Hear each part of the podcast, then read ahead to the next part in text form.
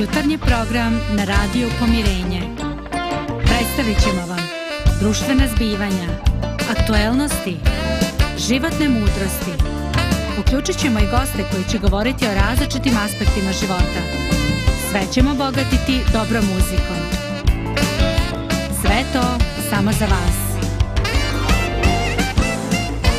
Jutarnji program. Jutarnji program.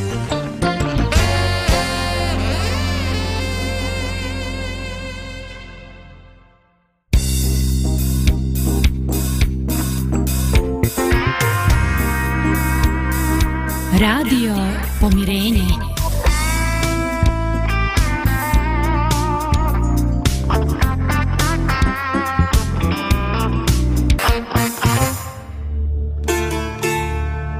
Dođe vrijeme da se čovjek osvrne i poželi da iznova vrijednuje svoj život. Pratite emisiju sa komšijom zdravkom. Pozdrav za sve naše gledalce. Drago mi je što smo danas zajedno i to što je danas u cijeloj Bosni i Hercegovini dan žalosti je možda i jedan razlog više da iako smo različiti budemo zajedno u dobru i u zlu. Možda u zlu i više, jer tad je čovjek potrebnije da se oslanja na onoga drugoga, da se oslanja na čovjeka.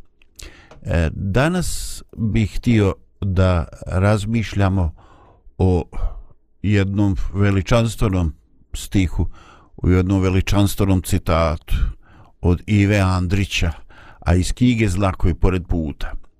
Znam da sam imao neki 16-17 godina i neko će reći o čovječe, pa to je onda stvarno bilo davno kada sam čitao ovu knjigu i ona mi je bila onako jedan fantastičan dodir uh, ne samo sa intelektom, ne samo sa briljantnom misli, nego sa nečim što je u sebi nosilo primjesu nečega svetoga, nečega što je vrijedilo poštovati.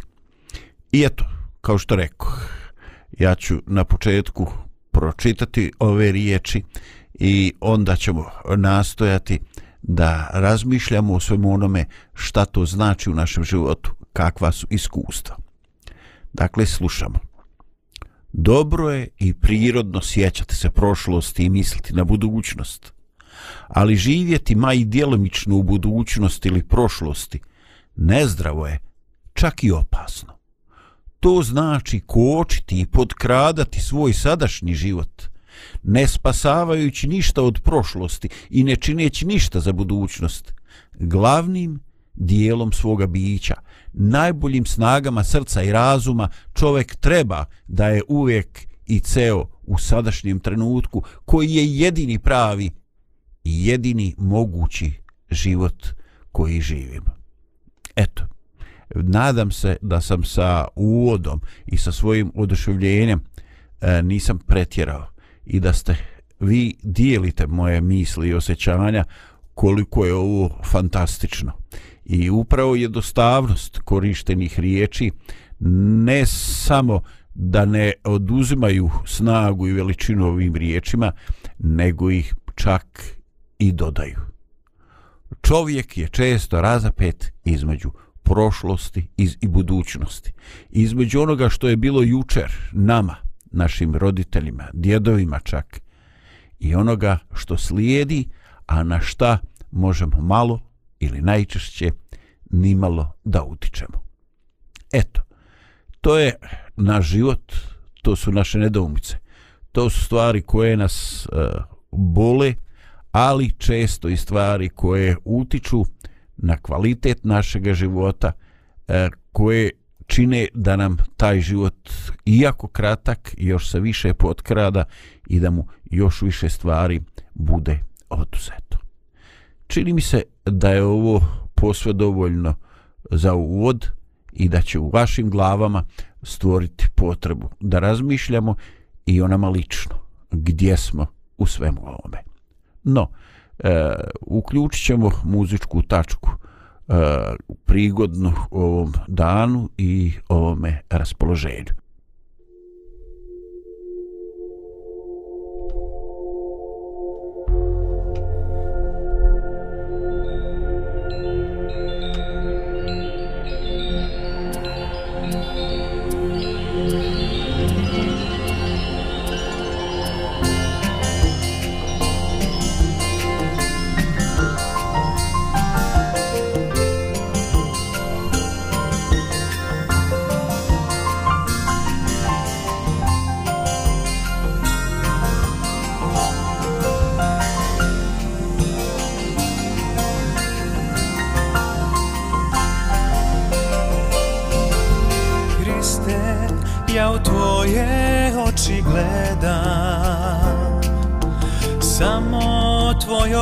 reči verujem Ti obećao si ako budem veran Da ćeš izlit svoga duha na mene Ti tuni sa sve četiri strane sveta Neka su vekosti ožive Neka su vekosti ožive Cela zemlja nek zbog tebe bude sveta Tvoja vatra nek zapali sve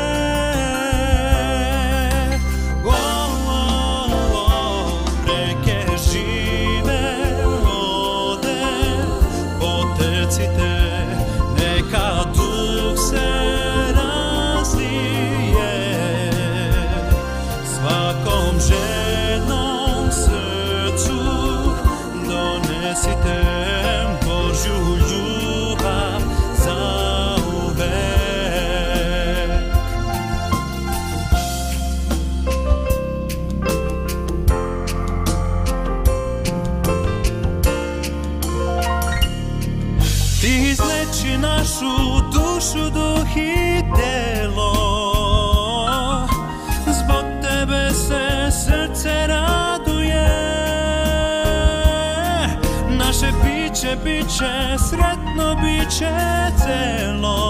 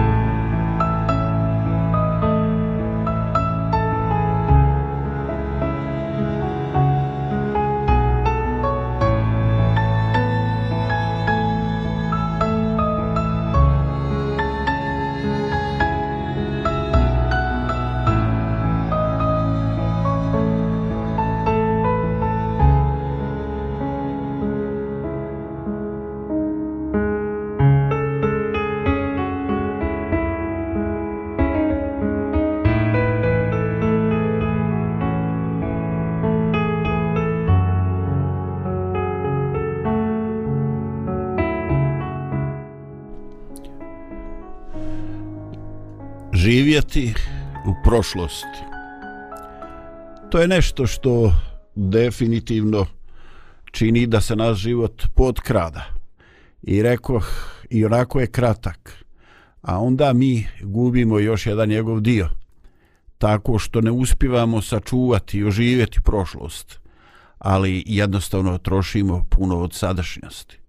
No, prije što olako odbacimo i čerešnji dan, eh, htio bi da možda razmišljamo o tome koji su to zdravi aspekti u kojima nam prošlost služi nečemu, u kojem iz njega izlačimo pouke, u kojima možemo ono što je proživljeno na kolektivnom ili na ličnom nivou e, doživjeti i iz toga imati neke benefite, imati neke koristi. Dakle, možemo li sačuvati nešto iz prošlosti? Pa svakako da puno od onoga što smo danas ti i ja je e, sadržano u definiciji i onome što smo proživjeli. Puno od toga što smo danas je od onoga što čini naše uspomene. I koliko god da tu ima i nekih bolnih i tužnih događaja, ipak rado života se zaista e, odnosi i na sjećanje, na sve ono lijepo što smo proživjeli što smo preživjeli sa divnim osobama koji više nema ovde na zemlji, koje su nas napustile.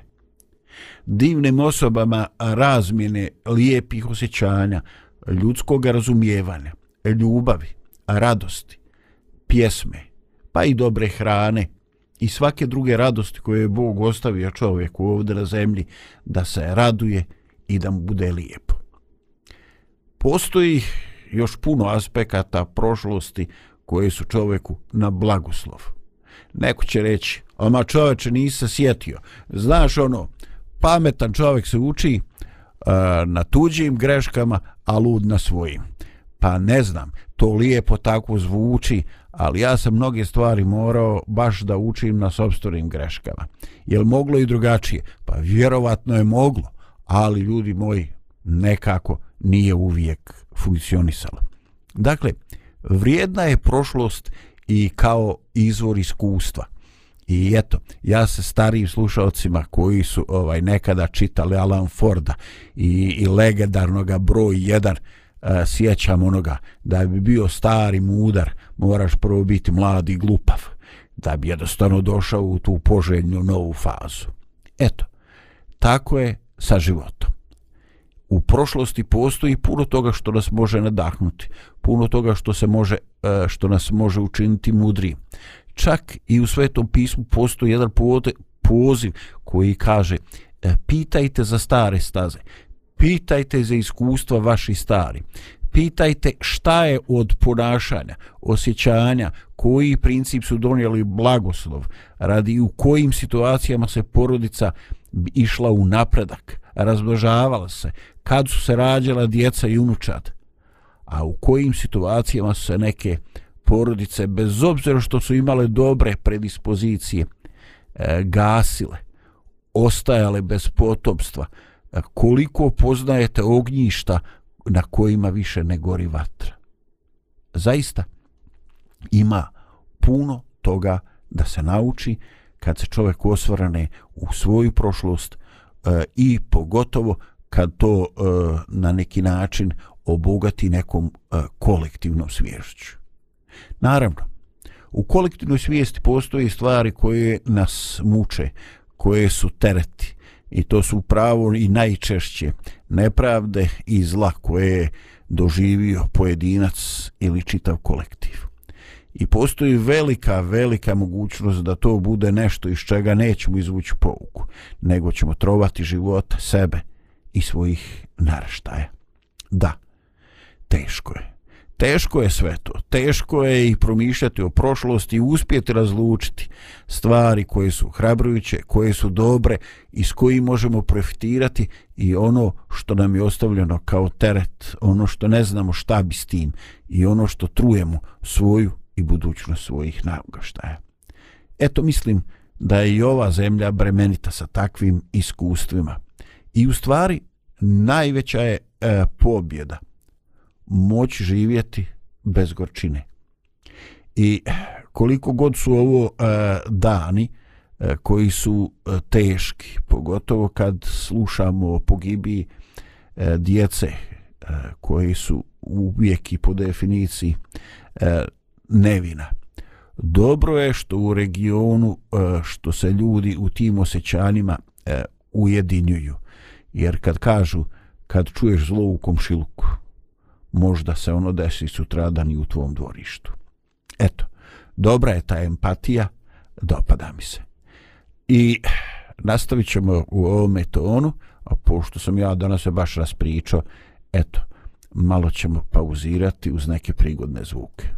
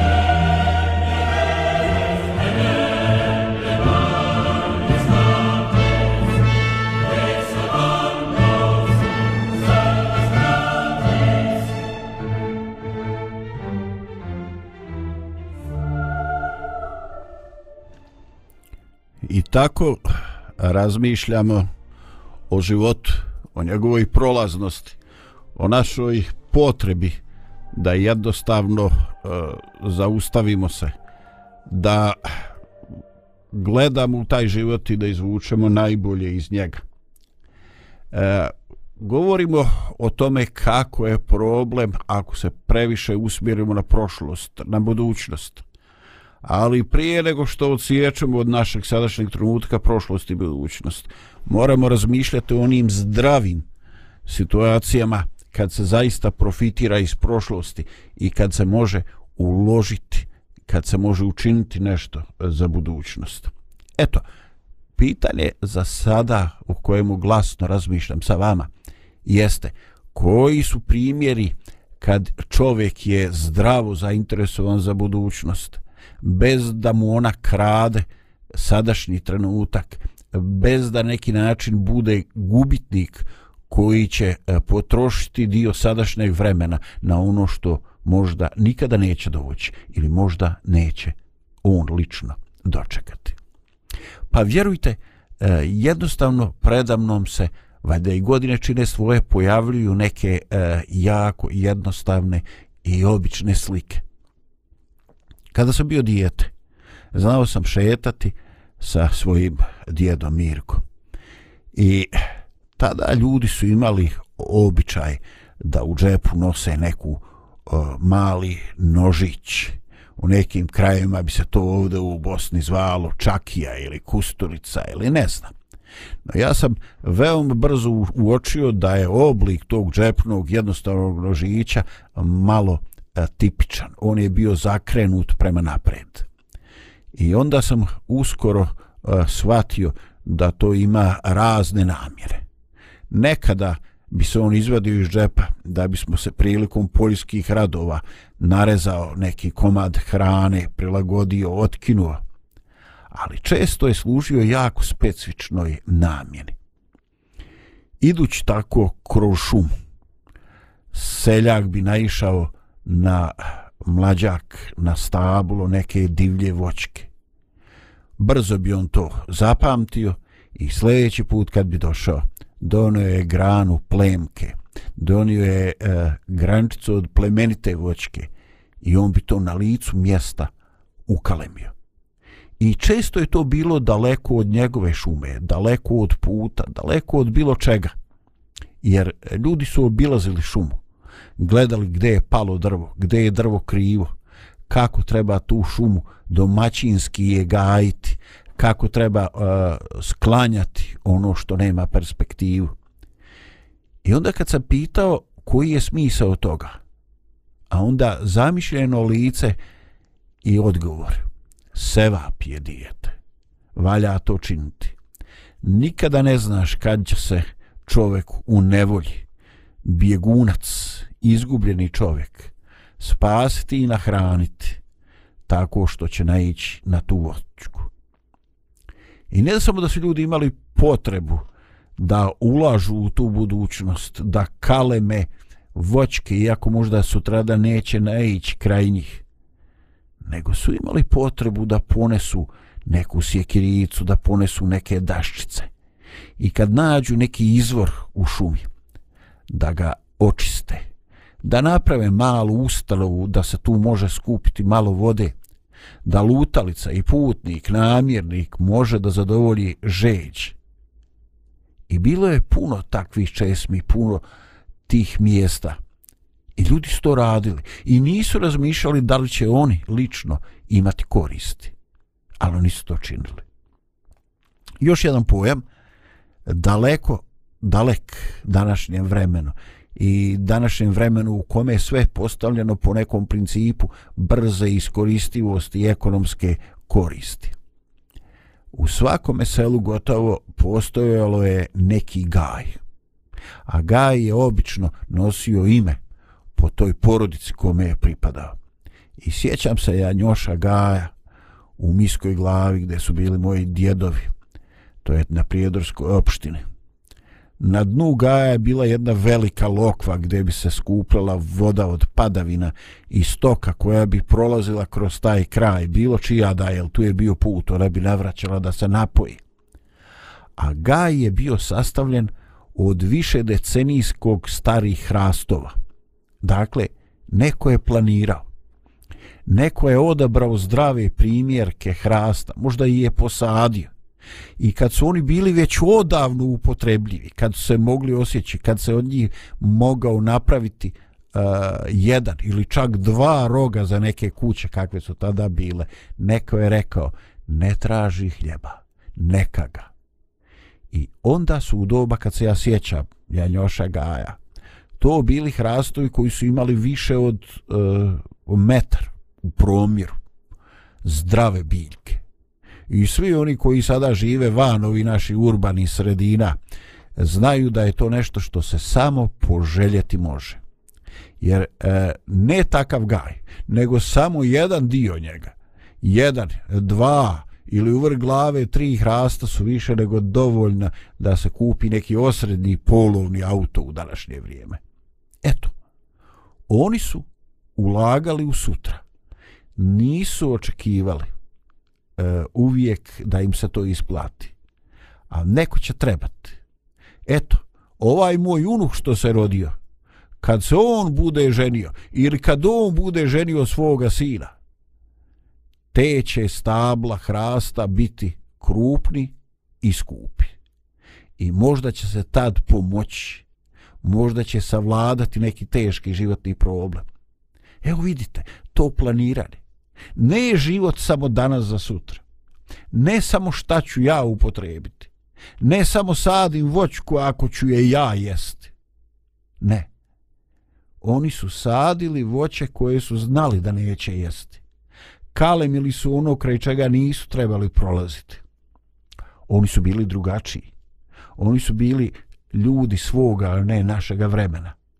A vjerujte, oni su bili ljudi od kojih bi mi imali danas. nas šta naučiti. I to je, rekao bi, pravi plemeniti, pri, ovaj, plemeniti primjer kako se sa budućnošću ne mora eh, manipulisati kako budućnost ne mora biti način da gubimo nešto od našeg sadašnjeg života.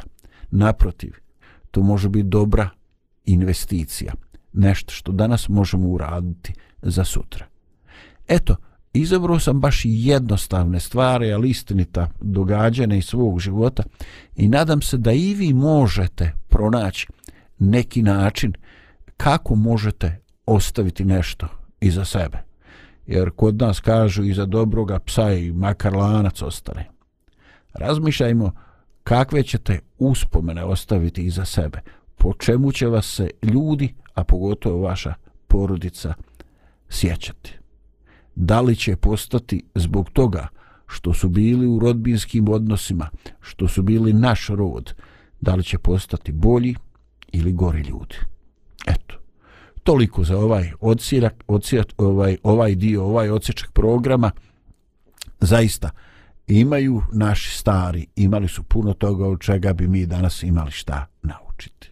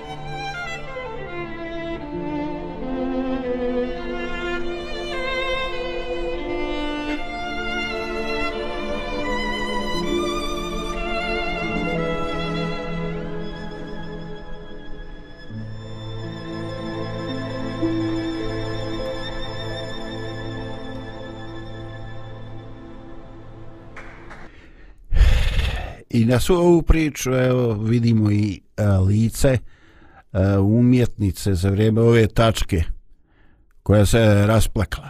Ja nisam ispratio koji je povod e, da li se desilo nešto više od izvođene ovoga dijela koje svakako spada u e, besmrtne tačke onoga što je stvorio ljudski um.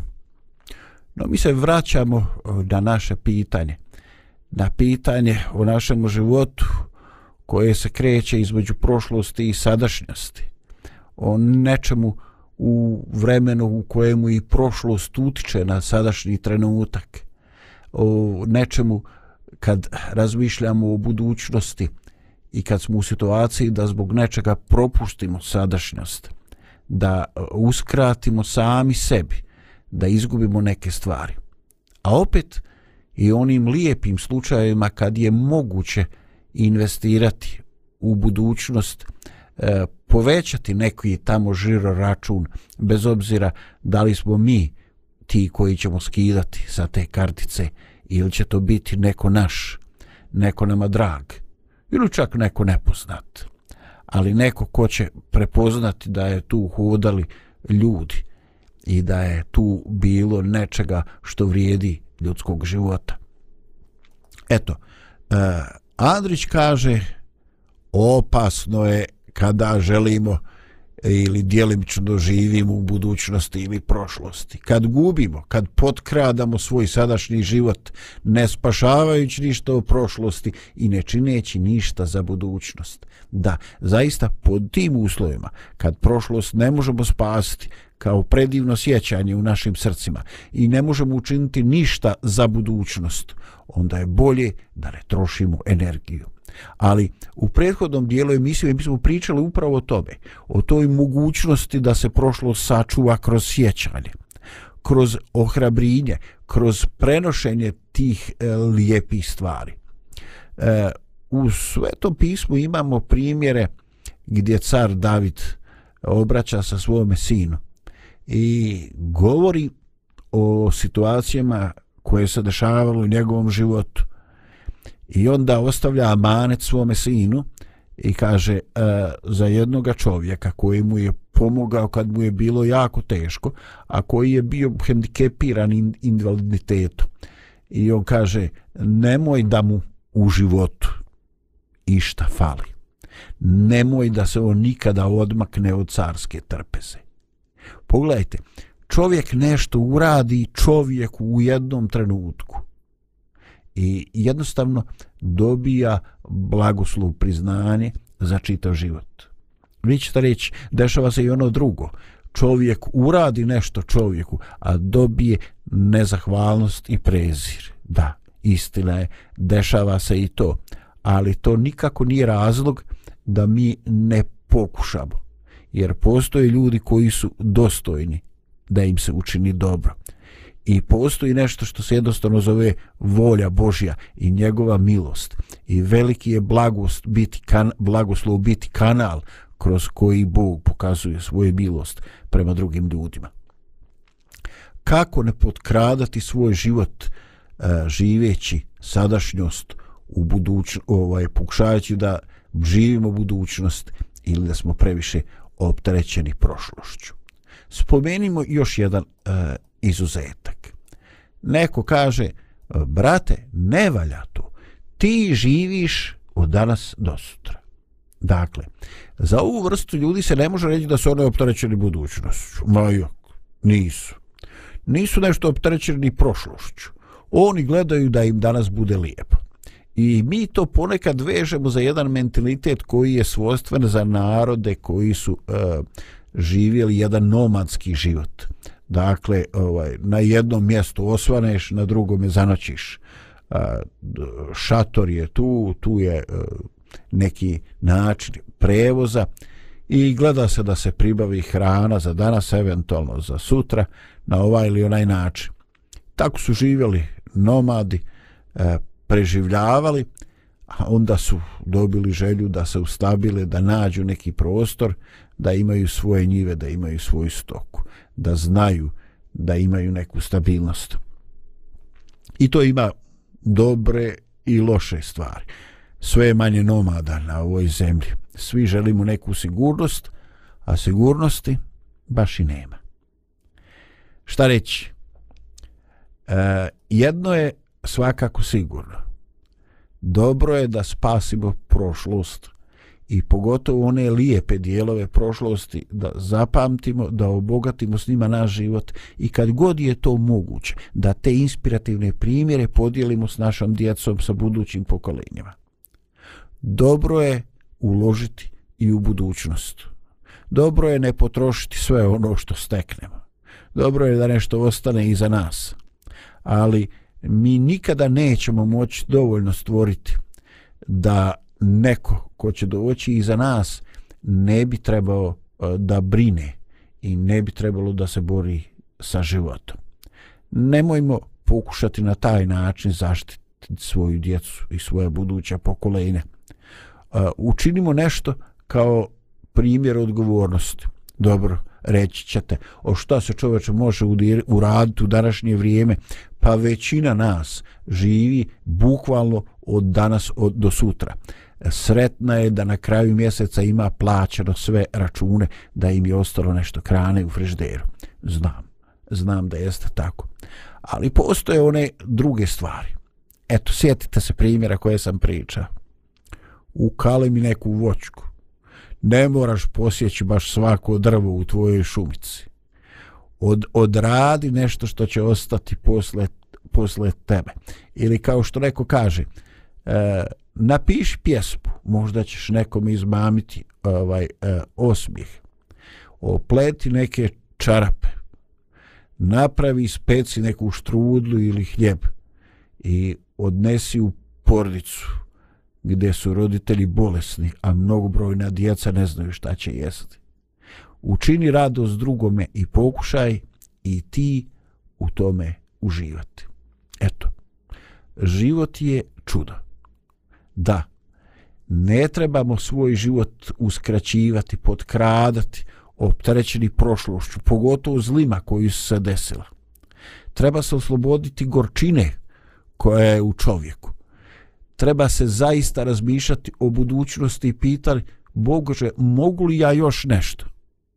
I tad naše bavljenje prošlošću i budućnošću neće biti nešto što će potkradati budućnost ili osaromašiti na život. Zaista to bi bilo dobro da nam uspije, makar djelomično.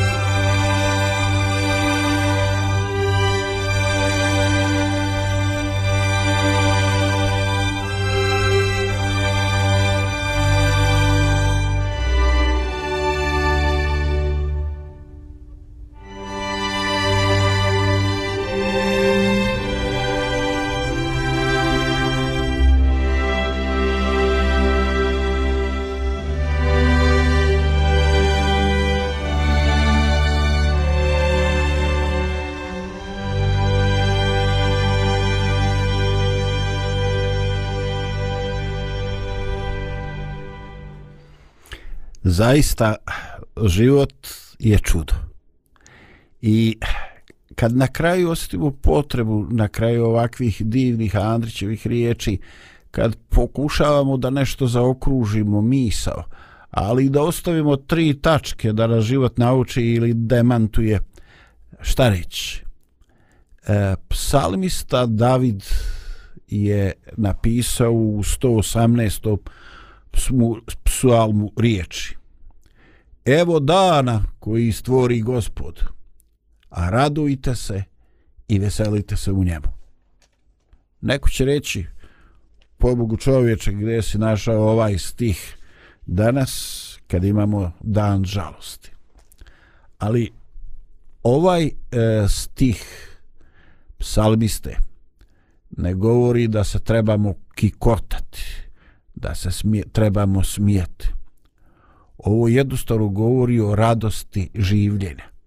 I kad spominjem radost življenja, ja tu ubrajam i iskreni plač i saosjećanje i iskreni e, dodir i radost što u bolu i u, i u dobrim i ružnim časovima i u časovima kad se pjeva i u časovima kad se plače što imamo druge ljude i zaista ti trenuci govore da je ovo ipak svijet koji je Boži svijet nagrađen zlob i grijehom svijet na koji je razapao svojega gospoda ali svijet koji ima svoje očekivanje svijet za koji je rečeno da ima istoriju koja će kulminirati svijet u kojemu u simbolu vjere kaže e, da do ovaj e, i u oče naš kaže E, da bude volja tvoja, da dođe carstvo tvoje, da bude volja tvoja i na zemlji kao što na nebu jeste. Daista, mi želimo da to dođe i želimo se da u tom trenutku budemo na pravoj strani. Eto, danas često smo u situaciji i često osjećamo potrebu da plačemo i naše suze su život i naše suze su ono što dobijamo u ovome danu i zaista tako će vjerovatno biti do kraja i bit će vrijeme kad će za plač i vrijeme za radost i za muziku ali nikada neće prestati vrijeme da dodaš ruku i da zagrliš čovjeka koji je kraj tebe koji je pored tebe eto to vam želim i nadahnjujmo se i budimo zajedno i kad se radujemo i kad plačemo.